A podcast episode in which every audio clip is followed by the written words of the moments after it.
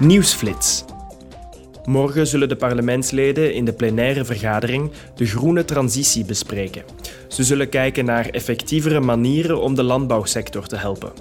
Tijdens het debat met de commissie en het Zweedse voorzitterschap van de EU zullen de parlementsleden waarschijnlijk benadrukken dat Europese boeren geholpen moeten worden om in te zetten op groenere landbouwpraktijken.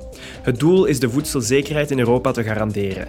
Dat is des te belangrijker gezien de Russische inval op Oekraïne, de stijgende prijzen en de verstoringen van de bevoorradingsketen tijdens de coronapandemie. Morgen zal de president van Portugal, Marcelo Rebelo de Sousa, de leden van het Europees Parlement toespreken tijdens een plechtige zitting. Hij zal ook een ontmoeting hebben met de voorzitter van het Europees Parlement, Roberta Metsola. Daarna volgt ook een gezamenlijke persconferentie. Vandaag bespreken de parlementsleden de toetredingsonderhandelingen van de EU met Servië. Die verlopen niet helemaal zoals gewenst. Ze zullen ook debatteren over de inspanningen van Kosovo om de status van kandidaat-lidstaat van de EU te verkrijgen. Morgen wordt er gestemd over twee verslagen waarin de standpunten van het parlement worden samengevat. De normalisering van de betrekkingen tussen Servië en Kosovo is een prioriteit en ook een voorwaarde voor de toetreding van beide landen tot de EU.